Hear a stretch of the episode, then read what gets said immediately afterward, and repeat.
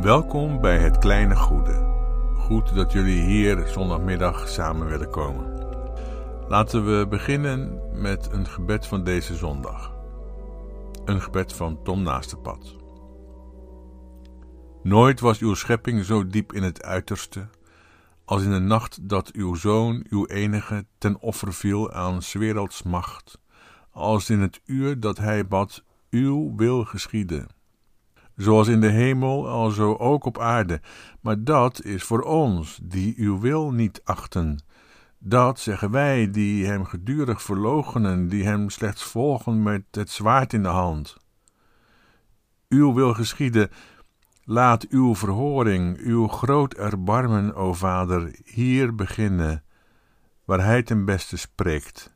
Verwekker van zijn leven, lever uw werk niet uit aan de vernietiging. Amen.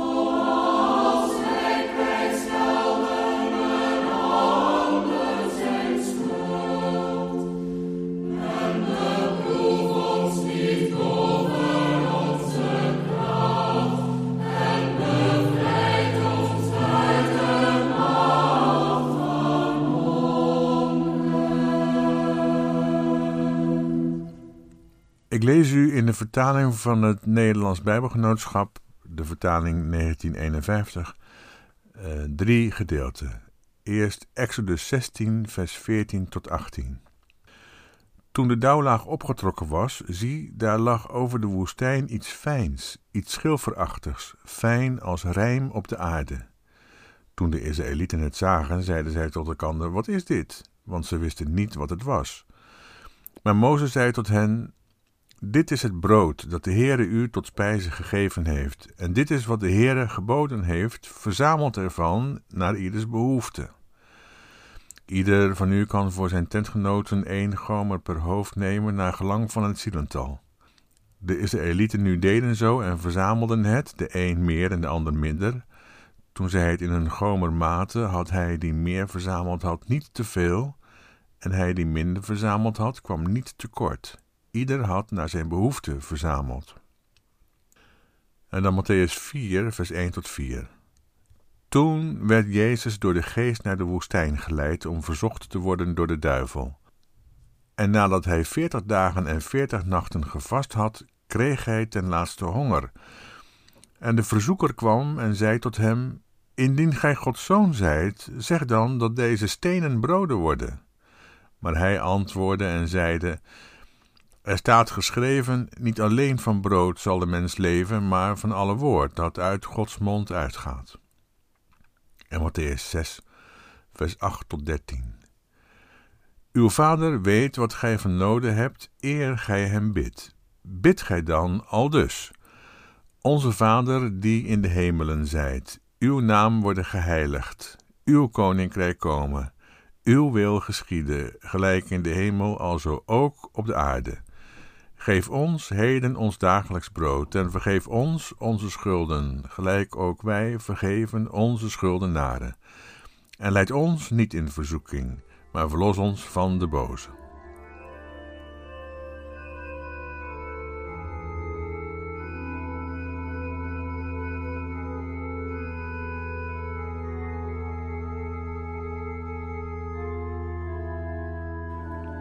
Onze Vader die in de hemelen zijt.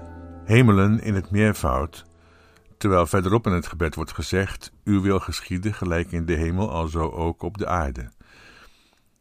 Jezus zegt: Ga in uw binnenkamer en bid tot uw Vader in het verborgene. Dat is niet hetzelfde als in het geniep. Door het onze van het Onze Vader is het een gemeenschappelijk gebed van de gemeente.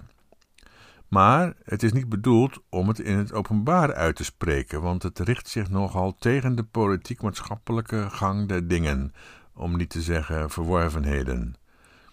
In het openbaar kun je eigenlijk in Nederland valt dat gelukkig erg mee, maar in het Romeinse Rijk niet. En in Turkije bijvoorbeeld ook niet, of in China. En in de Verenigde Staten moet je ook steeds meer uitkijken, denk ik. In het openbaar kun je alleen maar die dingen zeggen of bidden die in het openbaar geaccepteerd zijn, door de beugel kunnen. Maar ook voor de bidder en dus voor de gemeente zelf is het geen lammetjespap, dit gebed. Volgens rabbijnse opvattingen is een bijbelse tekst daarom bijbels, omdat die de handen verontreinigt. Zou dat ook van het Onze Vader kunnen gelden? Dat je er vuile handen door krijgt? Laten we afwachten en het voor mogelijk houden. Dat het woord hemelen wordt gebruikt, komt omdat het een vertaling is van het Hebreeuwse Hashemayim.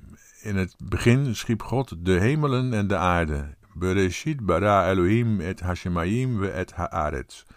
Het is een grammaticaal meervoud in het Hebreeuws, net zoals ons woord hersenen dat ook alleen in het meervoud voorkomt. Wij hebben dus van meet af aan met de God van het Oude Testament te maken als we dit gebed beginnen te bidden. En het gebed eindigt bij de duivel, de boze, de grote tegenstander van God. Er was ooit een monnik die bij het overschrijven heeft gedacht: dat is wel een heel raar einde, het gebed des Heren te eindigen met de boze, laat ik er een mooi slot aan maken. Zo gezegd, zo gedaan. En hij schreef er een paar regels achteraan, een doxologie. Want van u is het koninkrijk en de kracht en de heerlijkheid tot in eeuwigheid. Amen. Heel mooie tekst, maar niet wat Jezus bedoelt. Hoe komen we nu van de God van Exodus uit bij de duivel? Het is deze bijzondere God, de bevrijder van de slaven uit Egypte, wiens naam zou kunnen worden bezoedeld en bevuild. Vandaar de bede: Uw naam worden geheiligd. Let op, dat is geen aanvoegende wijs van men nemen een ei. Het is een gebiedende wijs. Uw naam, in weerwil van al die andere namen, waar we als makkelammetjes achteraan lopen, moet worden geheiligd. Het is de bijzondere God van wie het koning zijn zou kunnen worden gefrustreerd. Vandaar de bede: Uw koninkrijk komen. Van wie de wil wel eens niet zou worden gedaan. Vandaar de bede: Uw wil geschieden. En niet wat wij zo al willen. Deze God is anders dan Zeus, die van alles en nog wat wil, van wie je kunt zeggen: Zeus is zo allemachtig machtig, dat het onvoorstelbaar is dat er iets gebeurt wat Zeus niet zou hebben gewild. Alles wat we om ons heen zien gebeuren is dus Gods wil. Ja, maar dan praat je over Zeus. En daar gaat het onze vader niet over. Deze bijzondere God is namelijk niet onduidelijk over wat hij wil. Barmhartigheid wil ik en geen offeranden. Dat is wat Jezus meerdere keren in hetzelfde evangelie van Matthäus deze bijzondere God laat zeggen. Barmhartigheid, dat je de zaken eerlijk verdeelt en wat voor elkaar over hebt en geen offers. Ik wil geen offers. Geldt dat ook voor de kruisiging van Jezus? Ja, ook. Ik heb nog zo gezegd: geen offers. Dus niet wat er gebeurt is Gods wil. Wij moeten leren bidden dat wat God wil gebeurt. Zoals in de hemel, alzo ook op de aarde. Want wat er nu op de aarde geschiet, staat haaks op wat de hemel belooft. Zo beweegt zich dit gebed van God vandaan naar de aarde waarop wij wonen en waar gaat het dan om? Je zou zeggen, nu krijgen we weer drie gebeden, maar dan over ons. Maar dat is niet zo. Wat nu volgt is één lange zin aan elkaar gevoegd door telkens het woordje en te gebruiken. Geef ons heden het brood voor vandaag. Dat is het brood waarvan we kunnen lezen in Exodus. Ze wisten niet wat het was, maar Mozes zei: Dit is brood om van te leven. En dit is het woord dat uit Gods mond uitgaat en dat iets zegt over het brood. Neem ervan naar behoefte en neem niet meer. Neem het brood zoals het je gegeven wordt, brood voor vandaag. Maar de zin loopt door. En. En vergeef ons onze schulden, gelijk ook wij vergeven onze schuldenaren. Want zo wij ergens schuldig zijn, dan in de oneerlijke verdeling van beschikbaar voedsel. Zo ergens, dan zijn we schuldig In het feit dat we niet het brood voor vandaag nemen, dus dat we niet nemen wat ons gegeven is. Daarmee ontheiligen en bezoedelen we de naam van de Vader, houden we de komst van het koninkrijk alleen maar op en doen we niet wat de Vader zou willen dat er geschiet. En dan volgt er nog een en. En leid ons niet in verzoeking, maar verlos ons van de duivel en zijn verzoekingen. Wat was de verzoeking van de boze? Dat was het moment waarop de duivel zei: Honger? Wat nou honger? Je moet gewoon van alle stenen brood maken. Wat doe je toch ongelooflijk moeilijk, Jezus? Met vergeving van schulden en zo, alsof dat zomaar kan. Je moet gewoon zorgen voor een overdaad aan voedsel. Dan heeft niemand honger en ben jij in één klap de bink. Superman, Jesus Christ Superstar word je dan. Zie je het al voor je? Dan ben je de Messias der Messiassen. Maar hou op met die tien geboden en al die goed bedoelde regeltjes van barmhartigheid en genade. Mensen hebben niet voldoende aan niet, ze gaan voor greed. Nou, geef ze dan wat te graaien. Elkaar de schulden kwijtschelden zullen ze toch nooit doen, dat snap jij toch ook wel? En Jezus herhaalt dan de woorden van Mozes. Niet alleen bij brood zal de mens leven, dus allereerst bij brood, maar niet alleen bij brood, maar bij het woord uit Gods mond dat bij het brood hoort. Dat is om van te leven. Neem ervan naar behoefte, en morgen is er wel weer nieuw. Jezus bleef staande in die verzoeking waarvan de duivel er nog meer in petto had. Wij niet, schat Jezus in althans. En ik denk dat hij ons daarmee geen onrecht doet. Vandaar dat Jezus ons aanraadt te bidden dat wij niet in die verzoeking worden geleid als waarin hij werd geleid.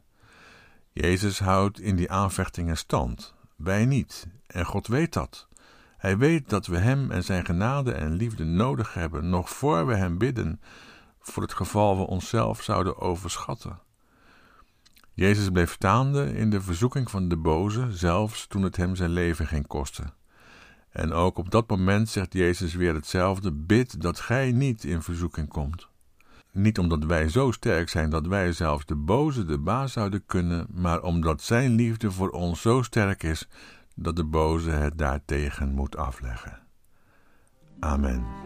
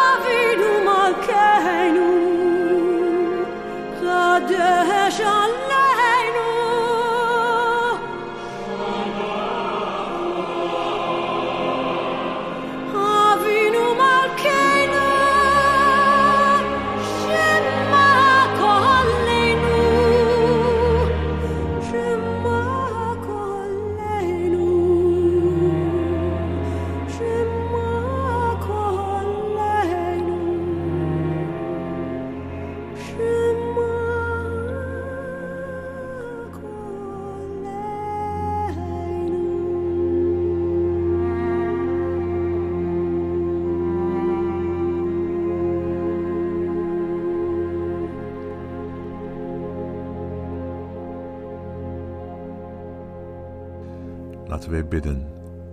God onze Vader, u houdt van mensen, van arme mensen en voor zover ze daar niet vies van zijn, ook van rijke mensen. Van zwarte mensen en voor zover ze daar niet te trots voor zijn, ook van witte mensen. Van vrouwen en voor zover ze daar niet te stoer voor zijn, ook van mannen. Van kinderen en voor zover ze het spelen niet te veel hebben afgeleerd, ook van volwassenen. Van vreemdelingen en voor zover ze daar niet te gearriveerd voor zijn, ook van autochtonen. Van het volk Israël, altijd en door dik en dun. En voor zover ze daar niet te laf en te bang voor zijn, ook van de Grieken, de Romeinen, van de niet-Joden. U houdt van alle mensen dus. En u wilt barmhartigheid niet voor uzelf, maar voor de wereld waarin wij leven. Barmhartigheid wilt u en geen offeranden. Daarom is het leven van Jezus geen offer aan u, want dan zou u het toch gewild hebben, maar een geschenk aan deze wereld. Geef dat we uw naam heiligen en ook zijn naam, Yeshua, God bevrijdt. Dat we ook zijn naam niet bezoedelen, zijn koninkrijk niet in de weg staan en zijn wil doen en niet eigenwijs willen wezen. Jezus wil dat wij bidden om niet in de verzoeking van de boze te worden gebracht, en dat doen we bij deze. Vooral voor de wereld waarin wij leven, die namelijk onze ongehoorzaamheid onmiddellijk moet bekopen met honger en armoede, maar ook voor onszelf, die het geluk najagen en dan vaak denken in het groot, terwijl het verborgen zit in het kleine, het kleine goede, het uwe, o onze Vader, onze Koning. Amen.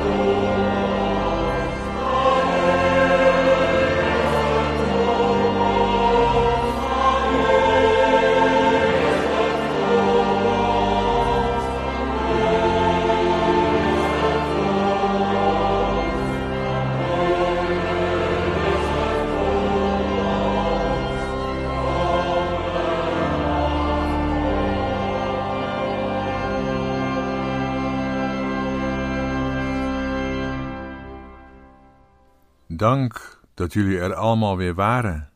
Samen staan we sterk en houden we vol, crisis of niet.